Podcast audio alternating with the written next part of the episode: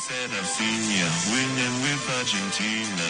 I need a center mid to and so he center mid through and now we've got Alexis. Alexis is majestic. McAllister is magic. He's red and it's fantastic. La la la la la la la la la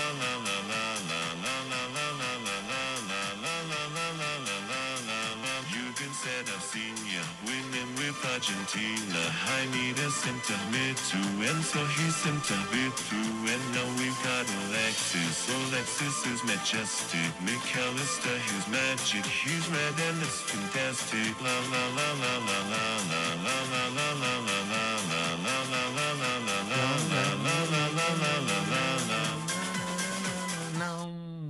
Jajamensan! Det är tillsammans med Alexis Majestic och eh, till dessa underbara toner som vi eh, sparkar igång en ny säsong. Det var fan inget långt uppehåll vi fick av LFC-podden. Den elfte säsongen.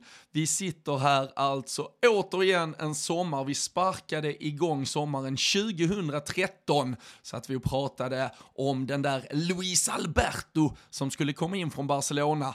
B-laget dessutom och skaka till det på Merseyside. Iago Aspas var på väg in. Det är mycket vatten som har runnit under broarna sedan dess. Vi fick ju dock en jävla häftig säsong där 13-14 när allt gick igång tillsammans med LFC-podden, tillsammans med många av er lyssnare. Man eh, hör från er ibland när man träffar er att många har varit med ända sedan starten. Det är helt jävla fantastiskt och vi är sjukt taggade på att dra igång en ny säsong. Det har ju fått en flygande start. Alexis McAllister är redan presenterad. När ni lyssnar på detta kan det ha hänt mycket kring eh, Kefren Turam också. Vi sitter här eh, fredag den 9 juni 11.30 ungefär, så det går ju snabbt i dessa silly season-tider. Men eh, såvida inget breaking kommer medan vi spelar in så ska väl det mesta ägnas åt att Alexis McAllister redan är klar som Liverpools nya nummer 10 och eh, vilken påverkan han kan på, få, eh, eller få på det här laget och eh, vad som väntar kanske resten av sommaren. Så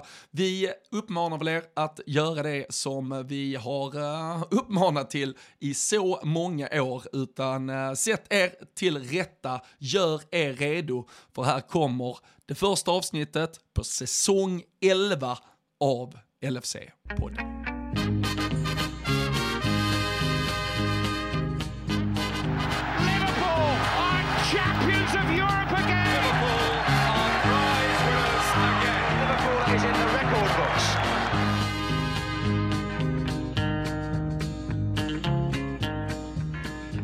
Nu är säsong 11 igång och eh, det var bara någon sekund sedan här vi sa att eh, det kanske behövs eh, något breaking för att vi ska behöva ändra om i eh, vårt lilla schema. Men eh, samtidigt som jag lät eh, jingeln rulla så eh, fick jag upp lite spännande notiser från eh, Flight Radar här som vi kan återkomma till. Eh, det kanske är folk som har bättre koll på det redan när avsnittet är ute, men det ska vi väl ändå diskutera lite. Men först och främst, eh, kanske inte influgen med privatjet, jag vet inte, men han sitter vid spakarna redo för säsong 11 av LFC-podden. Hur fan är läget med Daniel Forsell?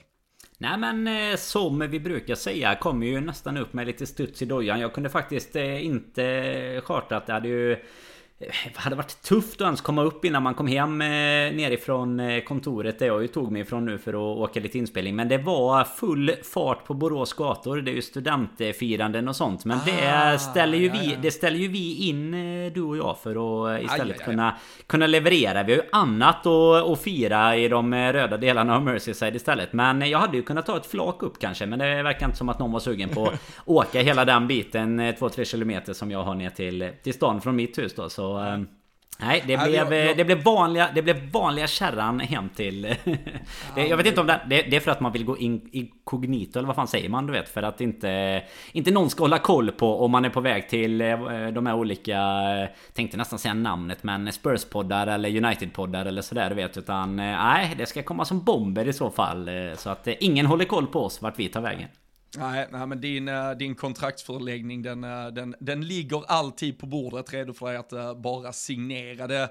Jag, jag, jag nämnde ju här i, i alltså elfte säsongen vi drar igång, 2013 sommaren satt vi här första gången, då, då pratar man Luis Alberto, Iago Aspas, alltså det är ju, det är ju, ja, men det, det är ju få konstanter man har haft i sitt liv så länge, alltså man har ju ofta hunnit, antingen om det då är från, gått från skola till jobb eller hunnit byta jobb både en, två, tre gånger längs vägen. Flyttat säkerligen, i våra fall så är det liksom eh, barn som har eh, kommit längs vägen. Det är, alltså det är inte jättemycket saker egentligen i sitt liv man gör i 11 år, men LFC-podden, även om du kom in lite senare, du var ju ett av våra första riktigt starka nyförvärv som vi plockade in när vi insåg svaghetstecken i truppen tidigt, men uh, har du typ, har, har man något annat typ man har, man har gjort i 11 år? Nej men det är ju sant som du säger. Alltså grejen är väl att jag... Eh, för jag, jag, kan inte komma ihåg riktigt när jag hoppade in första. Jag var ju med på du vet lite mer gäst, gästlänkande de första åren där. Eh, och vi körde ofta när vi var över eh, tillsammans och sådär. Men det är ju det, det, är ju knappt att man kan liksom komma på något. Det är ju sin familj som man har haft. Den andra familjen som inte innefattar sina egna barn. Utan där man själv är barn. Det är ju typ de, det är de man får koppla tillbaks till. Utan det är ju som du säger. Det har varit skolor och jobb och allt. Eh, och det ena och det andra flyttar. Eh, nej, jag vet inte fasen alltså. Det var ju... Vad, vad fasen har man gjort så länge? Man har hållit på samma lag. Det är det som har förenat oss. Det är det vi har. Det är, det är podden och att vi till och med lite längre än så har lyckats hålla på samma lag och inte, inte blivit lockade av de saudiska pengarna som många andra Nej. blir i dagens läge.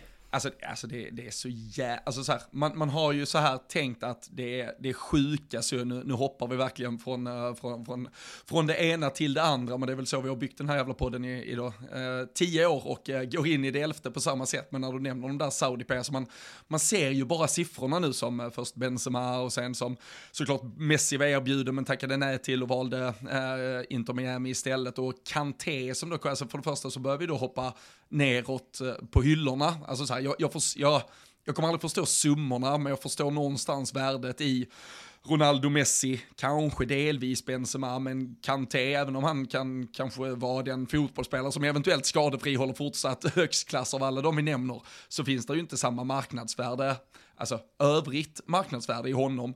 Och så satt man och tittade på de här jävla summorna med, och Benzema, alltså han kommer tjäna, han, hans årslön motsvarar alltså 80 90% av vad Arsenal betalar hela sin, alltså det, han tjänar nästan lika mycket som hela Arsenal tjänar på ett år. Och då har vi alltså ett lag som pushade för att vinna den typ största titeln du kan vinna i världsfotbollen. Det är alltså, man, man fattar ju att det, man fattar att det är enorma summor, man ser alla jävla nollor, men att det är så mycket egentligen, man, det, jag, jag vet inte, det går ju inte att ta in. Nej men det gör det inte. Jag tror även att det var... Jag tror att det var Benzema. Jag kommer inte ihåg vems av dealarna det var. Men det var även som hela San Marinos bruttonationalprodukt. Om man nu ska sätta det i någon paritet. Och man vet ju från diverse suspekta EM-kval och sånt. Eh, att eh, de jobbar fan på bra. För det är alltid rödmockare och fiskare och sånt med i laget. Så att det, de det är bra... Exakt, det är bra BNP där nere. Nej men jag menar det är ju... Det är ju exakt som du säger. Alltså... Vi kommer ju komma in på, eh, på våra värvningar och sånt såklart men Alltså jag menar transfersummor eh, överlag har man ju Tycker jag i alla fall att man helt har frikopplat sig ifrån För förr var man ju såhär oh kan man få han för 20 miljoner pund och han kostade 50 och typ, typ som det var med Torres och sådär. Då var det helt galet. Men alltså idag är det ju bara så här, nej men alltså det får skit i vad det kostar. Utan det viktiga är att spelarna typ flyttar på sig. Och det blir ju bara en, alltså det blir ju som hela den diskussionen fast på crack eller vad det är man brukar säga. Att du då kommer till de här Saudi, USA, Kina har ju haft sina försök. Eh, det var väl Oscar egentligen som var det enda Ja, liksom riktigt stora namnet till det unga om man säger så han är ju kvar och gnuggar i Kina. Ja, men det är också... Han har bara karriär där liksom, varit där i sex år typ. Det, det, är säkert inte, det går säkert inte dåligt ekonomiskt heller Nej, popula i populariteten så för hans del heller. Bara att han inte märks av något i våra medier och Twitterflöden liksom. Men, men jag menar det blir ju så lite som du är inne på. Det blir ju den upphöjt i hur mycket som helst. För jag menar att Liverpool och Real och ja, Bayern alla kan göra sjuka värvningar. Men så kommer liksom Alltså, för, den ena, för den ena saken skulle det inte alls eh, lagen i sig alltid som värvar Utan det är ju lite mer som i USA Att det liksom är landet, ligan på något sätt som, Nej, som värvar vi... Och så får du lite välja vilket lag du Liksom vilket lag vill du typ bli en FM-gubbe för Fast du också ska spela liksom. Du får ju göra De kommer ju få styra precis. Alltså Benzema får ju säkert ställa sig som tränare om han vill imorgon liksom Om han nu skulle Nej. säga att det ska in och sockra dealen på något sätt. Nej men titta, tittar vi nu på de här Då är ju de här uh, PIF Alltså The Public, Public Investment Fund Som uh, har gått in De äger ju för det första 80% av Newcastle redan. Det, det, har väl alla full koll på. Och så har de ju gått in då med ett 75-procentigt ägarskap i fyra av de de då största saudiska klubbarna för att någonstans skapa, ja, men skapa ett big four av dem och det, där kommer det ju bli liksom bara se till att fördela när de väl är uppe i 10-15 om man säger tunga namn så ska de väl fördelas ut då två, tre stycken i varje av de här lagen och, eh, och sen därefter så, så börjar man väl med att försöka göra världsherravälde över hela skiten och, och ta över någonting. Vi får väl... Alltså, men det är så jävla det, tråkigt det, det, sätt liksom, alltså det här ja, att då, de skulle liksom värva in spelare och sen så här, ja men fan Benzema kanske inte ska vara i samma lag som Ronaldo för det kanske blir roligare om de får mötas på planen. Alltså det blir så, så sjukt, det är som att Premier League sitter liksom och bara så här, eh, ja, men du vet ska portionera ut talangerna i olika och klubbar eller någonting. Vara, vi ska ju nog vara, alltså lagom tacksamma så länge det är spelare som först har uträttat något i 15 säsonger i Europa, för det, det kan gå jävligt snabbt innan det är eh, liksom ja, en spelare som har gjort fyra bra år i Europa. Alltså, vem vet, ja, var, ja, men vem vet var Håland spelar om tre säsonger? Är det, är det, kan det vara liksom Saudi på honom redan då, om han känner sig färdig med Europa och har vunnit tre Premier League till och har vunnit två Champions League. Alltså hur tidigt och hur bra spelare kan de snart få dit? Det, det, här är en mycket större diskussion än vad vi hade tänkt ta i, i dagens avsnitt tror jag, men eh, det, det är fan rätt oroväckande ändå vad som nog kan komma att hända. Ja, jag menar det är ju det man är lite, alltså fortsatt precis som jag var inne på både att eh, MLS och, och kinesiska ligan har försökt detta tidigare så har du nästan alltid varit spelare som du säger, alltså att kalla Benzema på dekis liksom. Det kanske man inte ska göra när han är, eh, vad säger man, regerande Guldbollenhållare. Men ändå så här, han har ju gjort sina år. Han eh, kan ta ett sista kontrakt eh, där. De har ju verkligen riktat in sig på så här free agents som de istället kan kan så här ultrasockra dealarna för på något sätt och inte liksom värvat för stora pengar från till exempel ett Liverpool. De lägger liksom inte så här, här får ni 300 miljoner pund för Mohamed Salah eller någonting för att ta världsstjärnorna. Men det är precis det man är orolig för som du säger och det Alltså orolig, alltså dels har man ju allt det här med Qatar och Saudi Den diskussionen behöver vi inte ta igen nu allt kring det Det kan vi återkomma till om det blir värre så att säga med det man har haft kring men VM Men det är mer det, det är mer ens egna så här. Det, den fotbollen man själv är uppvuxen med och det man tror. Det är lite samma som när Super League var ett eh, samtalsämne. Liksom, det är lite mer att man känner att det, det skakar liksom om fotbollens grundprinciper på något sätt. Och det blir ju ännu längre ifrån det som eh, Ja men det som folk som följer allsvenskan och alla är så stolta över med 51% regeln och sådär. Det, det, Du tar ju dig Detta är ju liksom den extrema ultrakontrasten till det. Där du liksom värvar in spelare utan att ens veta vilket lag de ska spela. Bara ungefär för att höja underhållningsvärdet på ligan. Och det är ju fram tills den punkten som du säger. Där de börjar värva spelare som faktiskt antingen har framtiden för sig. Eller liksom är de största talangerna i Europa eller någonting. Lite så här, Oskar var inte den största talangen i Europa. Men alltså det var ju han som typ ändå gjorde en lite orolig för Kina när han gick dit. Det var ju några stycken. Det var ju Alex Witzel, eh, Carrasco, ja, men folk som ändå gick var... väldigt tidigt. Fellaini, alltså de var ju ändå, jag vet inte, de var väl allt mellan 25 och 28 typ och valde ett kontrakt där istället. Sen är ju, alltså Kina är väl, Alltså, man kan säga mycket om eh, Saudi och Qatar, men Kina är väl ett mycket mer problematiskt land kring, kring kanske att, att leva och att anpassa sig till. Alltså jag tror liksom manegen krattas på ett annat sätt i, i Saudi och sen får vi också komma ihåg att många av dem, eller inte många nu, det är ja, Benzema initialt, men jag tror också det finns många som kan gå i fotspåren om de, om de själva är kanske till exempel djupt troende muslimer, då måste vi ha full förståelse för att de inte ser samma, om vi alltså, hårdrar men, problematik i, i olika alltså, kulturdelar som vi då kan ifrågasätta. Där vi sitter bara med den europeiska kartan här och tycker att det vore väl så självklart att man vill spela i det här otroliga fotbollsklimatet som vi erbjuder och att vi, vi är så mycket bättre här i, i all det västerländska och det, det, är ju liksom en, där tror jag man är lite, man lever lite farligt om man tänker att uh, det här är det rätta och, och där är något fel och att, och att alla som väljer att gå dit gör, gör konstiga val. Alltså det, vi, vi lever i en ganska stor värld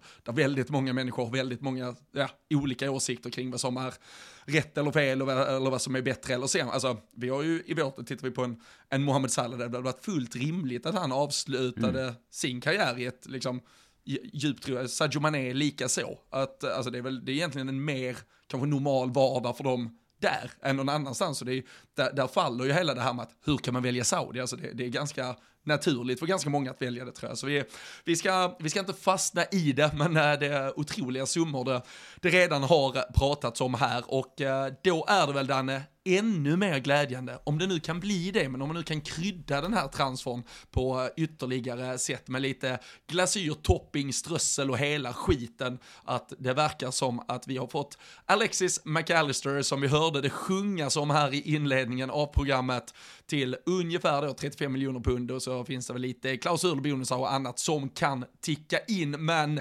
sommarförvärvet nummer ett är på plats och eh, att det är någon som kommer med den säsongen i ryggen, regerande världsmästare, kliver in, tar tröja nummer 10, visar väl också att så här, Liverpool har den dragningskraft som någon eventuellt kunde ifrågasätta kring eh, missat Champions League-spel och så vidare.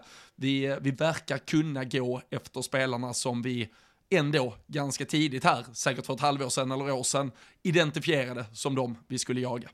Ja men absolut och, och, att eh, de enda som kommer in i, eh, i kommande säsong med större självförtroende Det är ju LFC-podden säsong 11 här som löser eh, fotbollens globaliserade problem på första 10 här i, i säsongen Så att, att han sen kommer in och tar tian det tycker jag liksom är signifikant för att vi kommer in med ett annat självförtroende den här säsongen. Eller det gör vi egentligen inte för vi hade ett jävla självförtroende förra säsongen. Men ett bättre självförtroende nu än vad vi avslutar säsongen med. Det är väl så vi kan, kan säga i alla fall. Men nej att det lite som jag var inne på, alltså kopplar ju bort kanske lite det här med övergångssummor och sånt. Men här rycker man ju ändå till på något sätt för att det är så pass eh, lågt som det är om man jämför med vad vad man tänker att en spelare som eh, ja, men ganska nyligen har vunnit VM och som har varit eh, extremt tongivande i ett Brighton som verkligen har flugit och hela du vet Premier League proven hela den biten Då tänker man att det ska vara minst det dubbla och kanske nästan lite mer men Sen kan det ha funnits klausuler och det har funnits överenskommelser på andra håll och det är ju bara att... Eh, nej men att känna... Jag, jag, tycker ändå man har känt så många gånger under Klopp. De gångerna vi väl har värvat ska man ju säga. Många gånger har man ju känt att eh, problemet har varit att vi inte värvar och tar bara förra sommaren som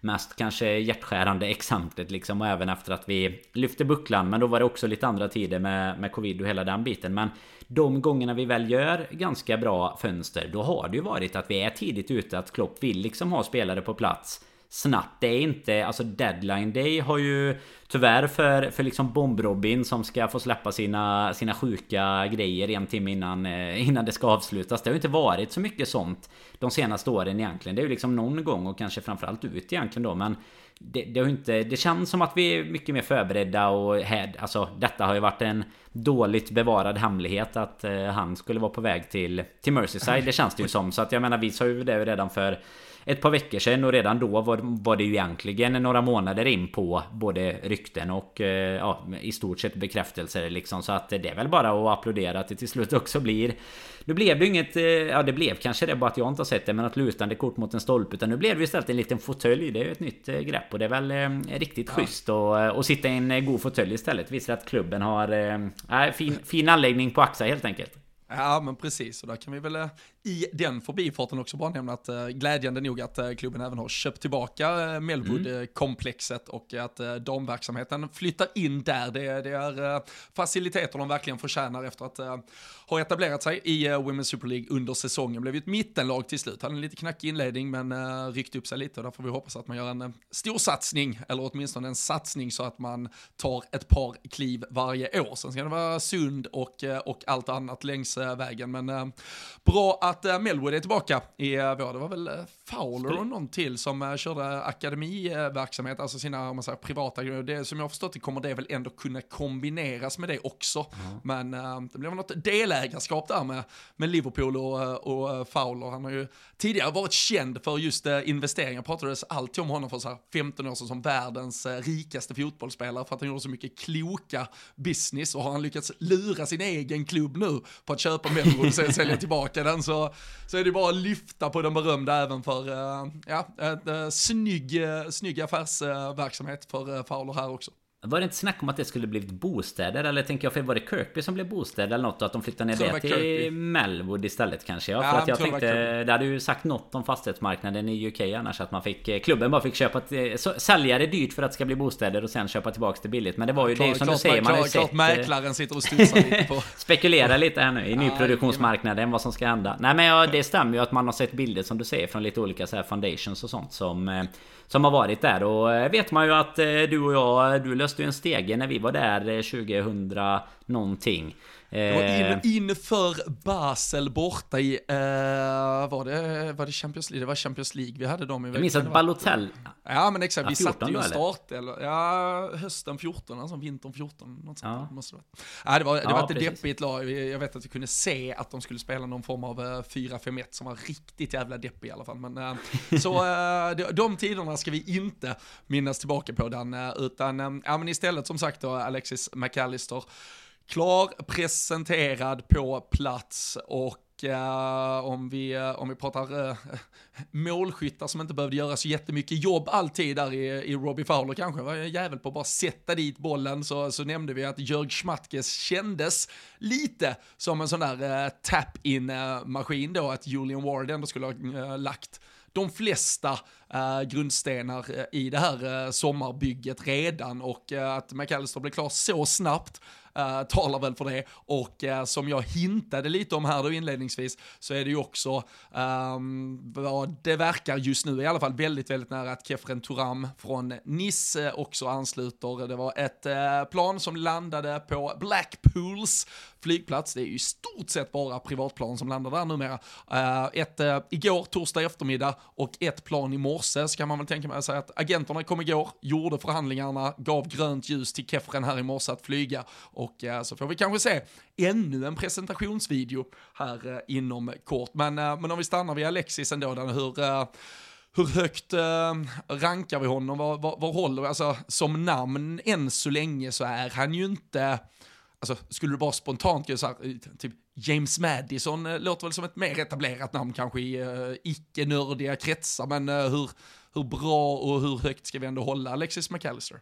Nej först eh, får jag bara säga att jag håller ju, håller ju bomb-Robin högt nu igen i alla fall. Nu eh, behövs ju inga deadline day för att du ska lösa våra transferrykten här i alla fall. Så det, det är skönt att höra att flight eh, radar ligger med dig eh, där hemma i alla fall. Det, det är viktigt att vi har någon som har den kollen. Det väntar vi bara egentligen på de här eh, eh, silvriga skåpbilarna nu va Som det också var bra koll på under eh, Från flygplatserna. Och vet man att det glider in Det var ju eh, också den En sån grej som vi dök upp i en gång När de trodde att du var ett nyförvärv. Så mycket koppling på dig till alla transfers här. Men Nej men vad ska man Alltså jag, jag tycker att du gör en ganska bra jämförelse där egentligen. Alltså Madison eh, Ska vi väl säga, alltså det är klart att det är alltid det här med att han är Engelsk och, och sådär och eh, gjort eh, många bra säsonger i Premier League. Men jag tycker att eh, det, det har väl varit med McAllister att han liksom har kunnat Alltså lite, alltså ingen likhet i själva positionen Det är det ju absolut inte. Men jag menar lite på samma sätt som Firmino lät andra spelare att skina via liksom en, en Salah och en Mané Så finns det lite om du går ett steg ner i banan Där han liksom har kunnat och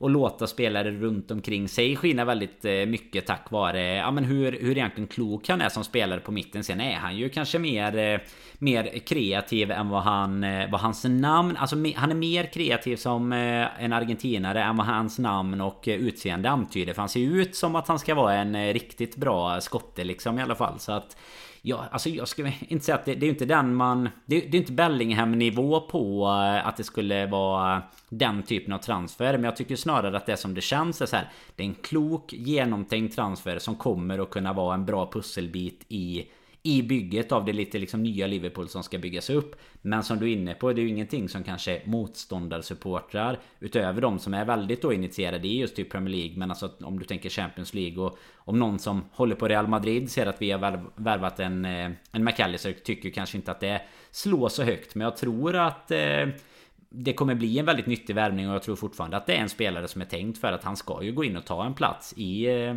i det här Så det- Liverpool. Och vi har ju liksom ett mittfält som... Det är ju där vi behöver förnya och jag tror att det är, en, det är liksom en bra... Vad ska man säga? Punktpusselbit in i det. Det är ju inte en, en spelare du värvar på namnet. Alltså vissa spelare är ju bara så här: okej, okay, oh shit, får vi, har vi läge att få Messi nu liksom? Du vet, och så lägger man allt på det. Och så får vi passa in honom. Utan här är det snarare att okej, okay, nu ska vi spela så här. Här har vi identifierat en spelare som gör det jäkligt bra i ett lag som funkar jäkligt bra och som kanske spelar lite den typen av fotboll som egentligen alla vill spela. Och då kan ju den spelaren bli mycket nyttigare i slutändan än vad din liksom stjärnvärvning hade blivit om man säger så.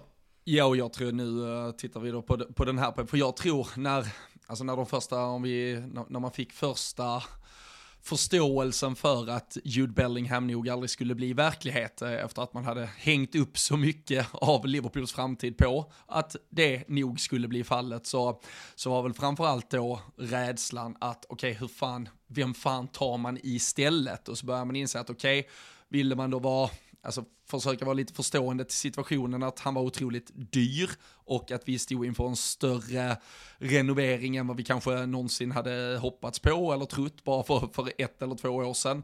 Så bör man väl inse att okej, okay, ska vi ha tre nya spelare då, då är det väl klokt att kanske inte köpa en för 100-120 miljoner pund, men då var man ju bara rädd för att, hur fan, alltså finns det liksom tre, fyra riktigt bra spel? Kan man få så många bra spel? Nu, nu får vi se vad som händer och när, när det här är ute kanske man vet ännu mer kring, kring Turam, men skulle vi på, på, på två, tre dagar ha löst två sådana pusselbitar och, och så får vi väl se, det pratas ju fortfarande väldigt intensivt kring Manu Kone, då, då har vi ju potentiellt tre spelare som skulle kunna spela från start på det där mittfältet och vi har föryngrat det där mittfältet rejält. Vi har fått in otroligt mycket mer löpstyrka, bollåtererövring, det vi vill vara bra på, dessutom kreativitet och genombrottsstyrka. Så det, det, alltså, jag, jag är ju försiktigt jävligt positiv till hur vi med kloka beslut kanske får ihop får vi se exakt var olika prislappar landar, men eventuellt får ihop ett tremannamittfält för samma peng som Jude Bellingham sen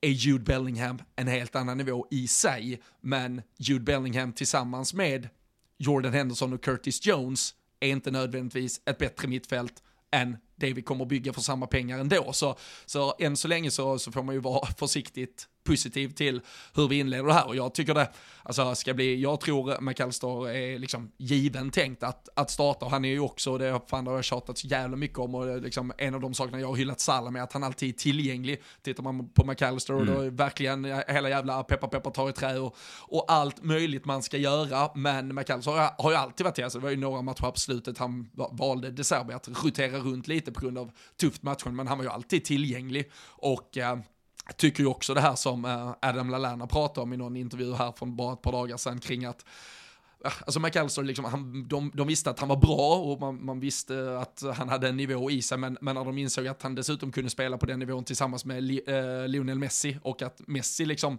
nästan vad det verkar när man läser lite mellan rader kring olika sammanhang. Kanske, kanske låg på för att man kan, man startar ju inte från början i den där argentinska truppen men etablerar sig ju mer och mer som en jätteviktig del i det lag som gick och vann VM, att, att Messi kanske varit lite drivande i att vilja ha honom uh, runt sig uh, på den där fotbollsplanen och uh, det, det, var väl det Lalana uh, liksom konkluderade i också att du kan nog inte få ett bättre liksom, sigill som fotbollsspelare än att Leo Messi vill spela sin fotboll med dig. Och det, det skvallrar väl lite om vilka kvaliteter som finns där.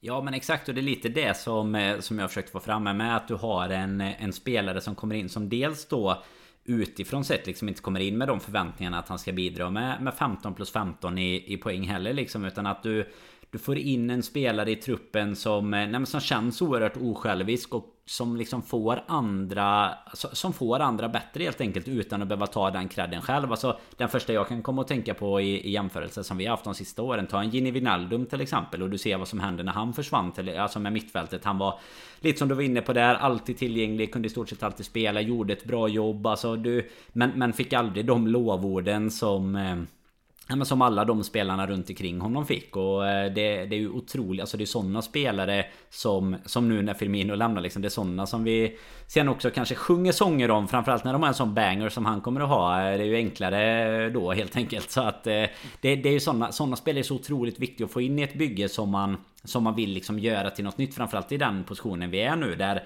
där det känns som och har känts som under hela säsongen egentligen att det är ju läge att bygga något nytt. Nu försvinner Firmino även om han inte har varit startspelare hela säsongen. Men jag menar Mané försvann året innan och, och det är ju ett annat klopplag som ska byggas upp och, och då är det väl... Eh, ja men då känns det ju utifrån i alla fall som att det är en riktig drömspelare att få in som... Eh, ja men som liksom kommer att höja, höja standarden eh, överlag egentligen. Men samtidigt inte på något sätt kräva... Ja men lite för att dra parallellen till vårt senaste avsnitt och, och tillbaks till säsong 10 då. Men han kräver liksom inte fönsterplats på flyget eh, riktigt utan sätter sig gärna i, i mittenraden om det krävs. Även om han kanske är lite bättre än Keita på att få dem bakom och, och flytta Asien då får vi hoppas i och med att han är lite mer tillgänglig. Så eh, nej, det är väl... Eh, det, det, känns ju som en sån jäkla nyttig värvning eh, faktiskt. Det, det gör det verkligen och som du var inne på med och som jag nämnde lite innan. Alltså att han ska gå in och ta en, eh, en, en plats direkt egentligen. Sen vet man ju aldrig. Klopp har ju ibland sina innekörningsperioder liksom. Men han känns ändå tillräckligt etablerad eh, och eh, liksom van vid att spela med både Argentina och med Brighton på lite det sättet som vi vill, eh, vill spela tror jag. För att kunna,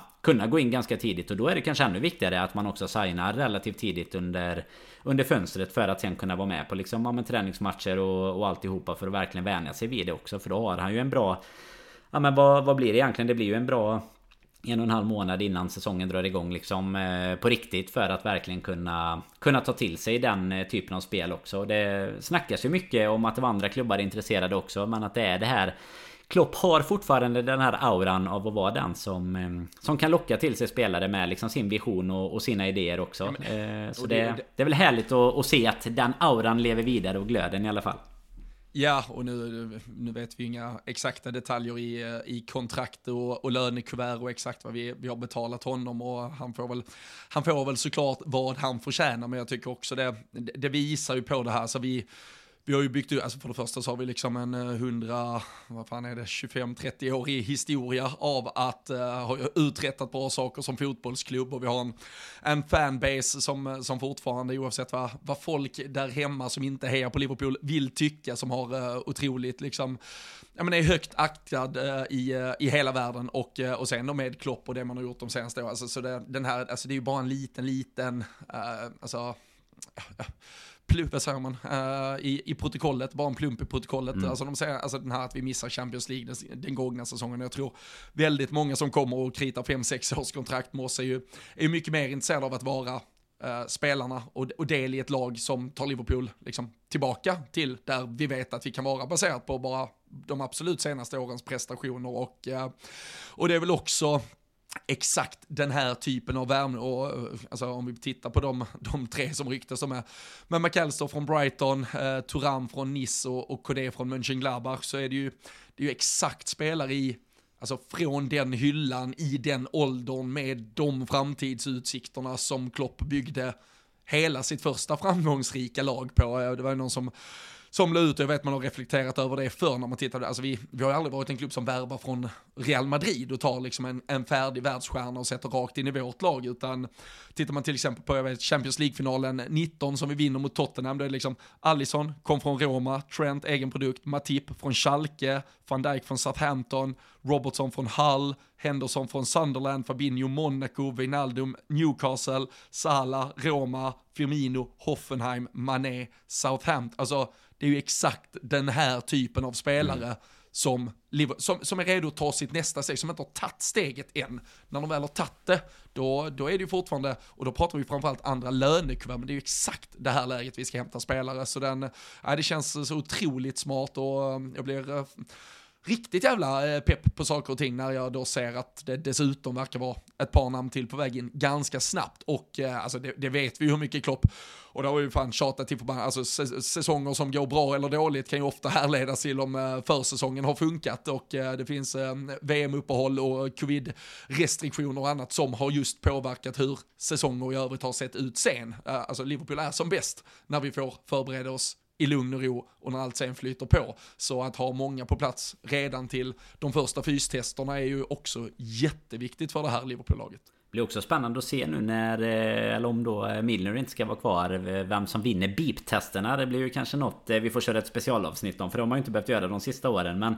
nej, men som du är inne på, alltså att hitta Identifiera spelare där man ser en otroligt stor talang och det finns en uppsjö av dem liksom Men du också ser att du har en eh, typ av förädlingspotential som, eh, som man kan få ut av dem. Det är ju, jag tror att det är det Klopp och, och de brinner för mest. Nästan mer fasen för än eh, vilka titlar man ska ha på i troféskåpet i slutändan. Utan det, man ser ju hur mycket han älskar vad han kan göra med många spelare liksom och, och, hur mycket de i sin tur också sen hyllar honom och liksom Ja men för hela bygget och för den personliga utvecklingen som de får så att nej jag tror också att man Alltså att det, att det verkligen inte spelar någon roll och vi var väl inne på det lite i slutet av av säsongen med när vi ju, eller vi insåg väl ganska tidigt att det inte skulle bli, bli Champions League kanske Men när man pratade Europa League och, och de här bitarna att eh, Alltså ett sånt tack i kurvan gör inte så mycket för när man tittar på hur det var för tio år sedan liksom när vi snarare Liksom kämpade flera säsonger utan Champions League och vi kanske Det, det var snarare tack i kurvan att vi lyckades ta en plats eh, Där liksom något år där, ja, efter 13-14 då så nu känner man ju att vi är på en sån annan plats i liksom hierarkin på något sätt i världsfotbollen att eh, jag tror inte ens att eh, typ ytterligare en säsong hade, hade skadat vårat varumärke på det sättet. Mer, mer än den ekonomiska biten för ägarna möjligtvis. Men alltså just bland spelare, för Klopp och hela den biten. Utan det krävs en längre period av, eh, av problem eh, snarare som gör att du inte vill vill ta dig dit. Jag menar vad fasen Brighton är inte jättelångt ifrån Liverpool i, i tabellen. Men eh, när du tittar på liksom... Eh, jag, jag, tror att Alexis känner det när han kommer in liksom att digniteten på klubbarna. Då märker han nog att det, det, är en ny nivå han har eh, gått in på här och, och, det kommer man ju på något sätt alltid att ha som storklubb. Det kan nästan gå hur dåligt som helst en enskild säsong. Jag menar ta Chelsea till exempel. Jag tror inte att det är jättemånga som, som känner att nej fan jag ska aldrig, jag skulle aldrig skriva på för Chelsea nu bara för att de är på väg på dekis liksom. Får utan... man lite mer i lönekuvertet här. Alltså det, alltså, ja men så är det. Det, det, det, är ju samma sak. Det är ju som United när man kände att vi körde förbi dem rejält och så kunde de ändå plocka in allt ifrån uh, Di Maria till Falcao till Pogba, Zlatan, Lukaku. Uh, fan vet vad de, de plockade några säsonger. Ja, men det är när sant. de fortsatte vara skit. Men det var ju för att det också var Alltså, de har väl fortfarande, alltså David de Gea tjänar väl fortfarande dubbelt så mycket som Mohamed Salah typ. Så det, det finns ju olika, alltså, sen, sen har de ändå, alltså de kommer alltid kunna värva från Brighton, även om Brighton både en, två, tre säsonger kanske sportsligt presterar bättre. Men det finns ju olika, om man säger, delar i din, ditt DNA som fotbollsklubb som kan göra att, att du värvar spelare trots att du sportsligt presterar sämre ett tag. Och en del kan ju vara att du har så jävla mycket pengar så att du kan betala helt otroliga summor. Men eh, jag, jag, tror att Alexis hade kunnat liksom få ett fetare kontrakt någonstans, men jag tror att Liverpool som klubb eh, var något han verkligen ville till. Jo men det tror jag också, för det är det jag menar lite att du har ju, Klopp var ju inne på det i någon intervju nu eh, här i dagarna också, att jag menar det det går ju alltid att bara värva massa stora spelare liksom Men att sen få ihop det till ett lag, till ett system Jag menar om man nu ska ska ta, ta skillnaden på till exempel eh, Peps City och ja nu är det ju Ten Hags United då Men alla, alla tränare de har haft här under tiden liksom Jag menar hur mycket Hur mycket mer välhålligt det blir oavsett eh, hur mycket pengar du liksom har lagt tidigare. Så United har ju lagt otroliga summor och verkligen inte fått ihop det innan Någorlunda då till eh, Förutom starten på den här säsongen. Men, men annars under den här säsongen helt okej okay, Sett till hur de har gjort de senaste åren. Jag menar det är ju det klassiska som eh, det, det, lilla hoppet vi ändå kan ha kvar om, eh, om våran del av fotbollen då att du kan ju fortfarande göra så extremt mycket utan att betala allra mest. Sen kommer du behöva pengar och det kommer behövas framförallt i en liga som Premier League kommer du inte kunna hävda dig så bra om du inte Alltså om du har extremt mycket Mycket sämre möjligheter att, att betala spelare och sådär. Men som du säger så är ju ändå nivån Det är inte så att du blir du, du kommer inte bli urfattig om du spelar i Liverpool och väljer det istället för att spela i United eller City. Och då kan du välja lite mer på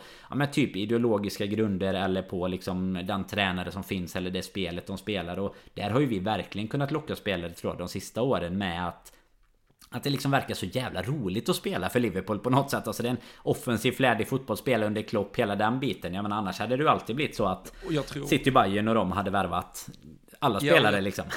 Och jag, och jag tror nästan att Klopp har använt, om man säger starkare säljargument, om, om han nu behöver sälja in sig själv, Liverpool och det, det, det, projekt som ändå väntar under ett par år här med, med honom under i alla fall den kontraktslängd som finns kvar just nu kring kring att vi då gör en, en sämre säsong den gångna. Att eh, alltså, spelare som kommer till ett lag för att spela, alltså så här, om du väljer Liverpool för att jag vill spela Champions League med Liverpool, alltså du ska inte välja, du ska ju vara med och förtjäna rätten någonstans att spela Champions League med Liverpool. Kom nu, ta Liverpool till Champions League, Sen är du jättevälkommen att spela Champions League med Liverpool, men vi, vi löser ju inte så att Champions League-biljetten redan ligger där. Alltså den, du, du ska ju inte välja det för att du vill spela i en Champions League-klubb.